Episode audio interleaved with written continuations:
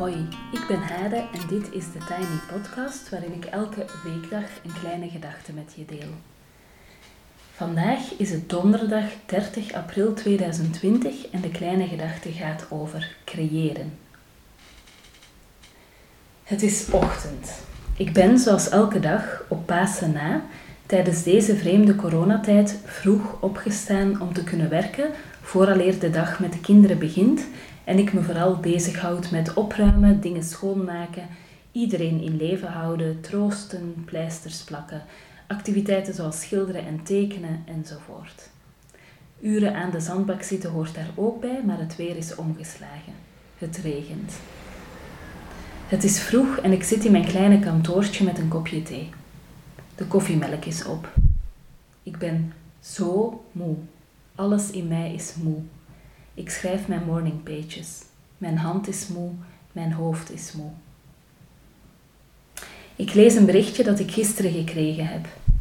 Een lieve vrouw schrijft me: Ik heb enorme bewondering voor het feit dat jij nu de ruimte maakt om te doen, te maken en te delen. Ik ben nog niet zo ver. Daar zit ik, zonder BH, ongewassen, moe en suf. En ik kijk naar het bericht en ik vind het echt heel moeilijk om het te ontvangen in mijn huidige staat. Er waren veel ochtenden dat ik in een permanente flow zat, me levender voelde dan ooit, wakker op allerlei soorten manieren. En dat ik inderdaad deed, maakte en deelde.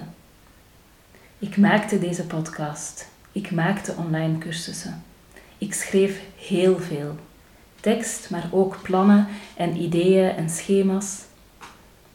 Op dit moment heb ik een vol notebook naast me liggen en ben ik bijna in paniek dat het bestelde vervolgboekje nog niet is aangekomen, want het schrijven helpt me het, het doen, het maken en het delen te structureren. Ik hoop dat ik straks weer wakker word.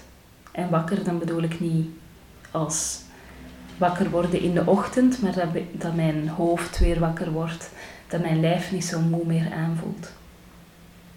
Of morgen, of binnen enkele dagen. Ik weet wat ik nodig heb. Koffie, dat is duidelijk. Maar ook tijd alleen, zonder dat ik op de klok moet kijken, omdat ik iets moet. Iets zoals terug naar het gezin, iemand bellen, boodschappen doen, een meeting, een document aanleveren, rekeningen betalen. Wat nog meer? Wandelen in de natuur, alleen. Een maaltijd, die ochtendelijke yoghurt van mijn huidige dieet zorgt voor een permanente staat van lichte honger. Ook stilte. Stilte en tijd alleen zijn moeilijk te vinden als moeder van jonge kinderen, en zeker in deze coronatijd. Ik zit en denk na over ruimte maken om te doen, maken en delen. Het voelt niet als ruimte maken. Het voelt als een soort urgentie, Iets dat ondanks mezelf en mijn gebrek aan ruimte gebeurde. Alsof er een dam brak. Maar daarvoor moet ik eerst iets anders vertellen. De voorbije tien jaar zijn voor mij echt bepaald door relatiegedoe, werk en ouderschap. Over werk kan ik zeggen dat ik altijd werkte voor een werkgever, meestal een goede. Maar dat ging wel gepaard met veel druk, veel complexiteit rond het combineren van werk en gezin maar ook het werken in een context waarin krachten en kwaliteiten gewaardeerd werden die voor mij niet eigen voelden. En ook een context waarin de krachten en kwaliteiten die ik had verdacht werden gevonden of lastig, terwijl dat was waarmee ik kon en wilde werken. Een voorbeeld daarvan is intuïtie. Zoals ik net zei, was het ouderschap van jonge kinderen ook heel bepalend de voorbije tien jaar. Mijn oudste zoon wordt tien in mei, de jongste zeven deze zomer en onze tweeling wordt twee in juli.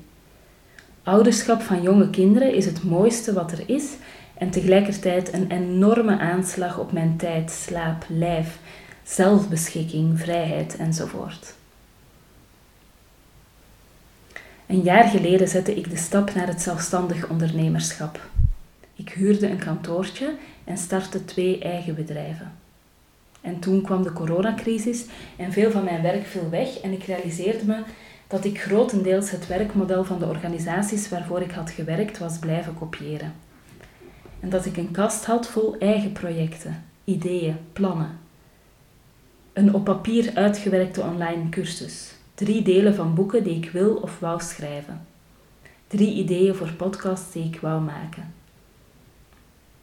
Bij de meeste van die projecten zitten mooi geprinte schema's, met mijlpalen en een stip op de horizon. Mijlpalen die ik nooit bereikte. Stippen op de horizon die altijd op de horizon bleven.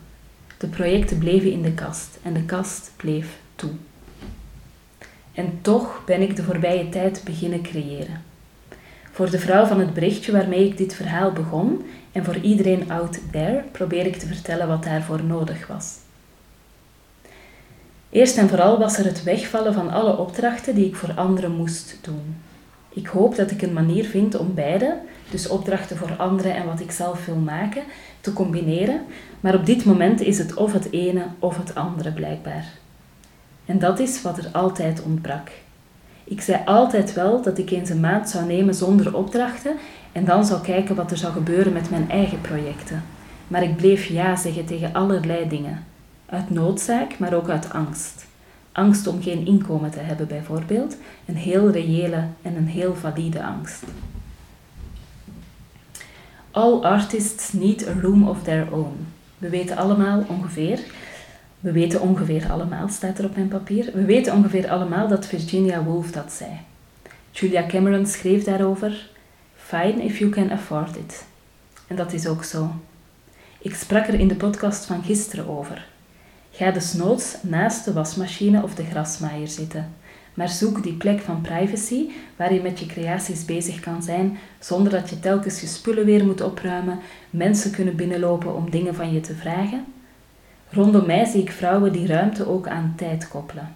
S'avonds laat als iedereen slaapt of s ochtends vroeg als iedereen nog slaapt.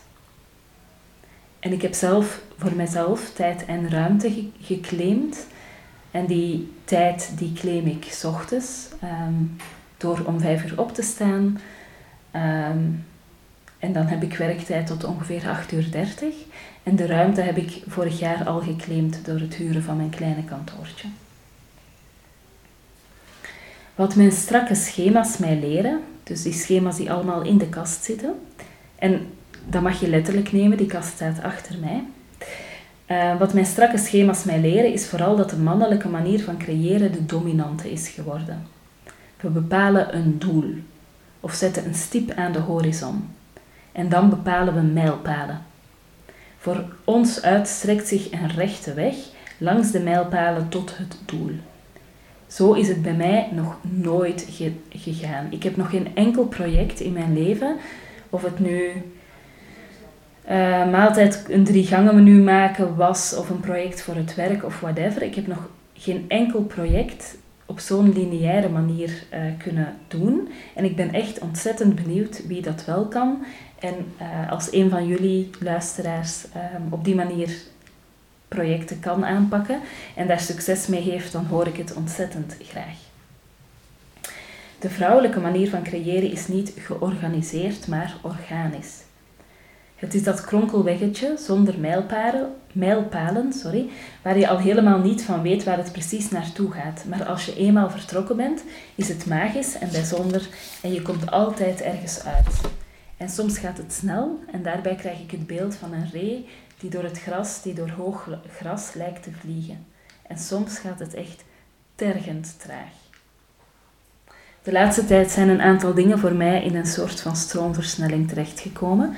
En de tijd daarvoor leken dingen vaak tergend, traag en moeizaam te gaan. Dat kronkelweggetje is niet te plannen en dat maakt het ook beangstigend. Op dit moment zit ik in een periode waarin ik veel ideeën heb en inderdaad dingen doe en maak en ook deel. Maar wat als dat stopt? Wat als het opdroogt? Als het niet in te plannen is, met een stip aan de horizon en met mijlpalen, hoe krijg je er dan ooit grip op? Is het dan altijd wachten op een coronacrisis die iets in gang zet of een of andere goddelijke interventie? Ik denk dat er twee elementen zijn die je wel in de hand kan hebben om die vrouwelijke manier van creëren mogelijk te maken. En de eerste is zelfzorg. Het is een torenhoog cliché, Maar het is veel realistischer dat kronkelweggetje in te slaan als je zorgt voor genoeg tijd alleen, genoeg rust enzovoort. Onder zelfzorg versta ik bijvoorbeeld ook uh, het claimen van tijd en ruimte, waar ik het net over had. Het tweede is dat je het werk moet doen. En het werk doen betekent elke dag weer gaan zitten en in mijn geval is schrijven wat me te doen staat. Maar voor jou is het misschien schilderen, tekenen of wat anders. Elke dag. En daarom zit ik hier met mijn suffe hoofd op een heel onchristelijk uur, ehm, terwijl de stad nog stil is en mijn gezin nog slaapt. En ik schrijf mijn morning pages en ik schrijf dit stukje en ik ben doodmoe en ik heb zin om terug naar huis te gaan en in bed te kruipen, maar ik ben hier en ik schrijf. Ten slotte denk ik dat het belangrijk is te beseffen dat het creëren meer is dan me-time nemen. Me-time klinkt als een extraatje, als een pauzeknopje. Creëren, of je nu haakt of breidt of schrijft of tekent, of schildert of een podcast maakt of een cursus of desnoods soep, is iets van je kern. Het is geen extraatje, het is geen pauzeknopje. En tot slot, als je denkt dat jij geen kast met ideeën hebt, met plannen en projecten um, die allemaal onuitgevoerd liggen te wachten, dan kan je je even afvragen wat je zou creëren of wat je zou doen als alles wat je moet doen wegvalt. En ik denk dat je dan best een idee krijgt wat er in jouw potentiële kast van onuitgevoerde ideeën zou kunnen liggen. Ik denk dat ik hier morgen over verder ga, want ik heb nog een aantal onuitgewerkte gedachten. Maar voor nu rond ik af met een lieve groet voor een fijne dag voor jou.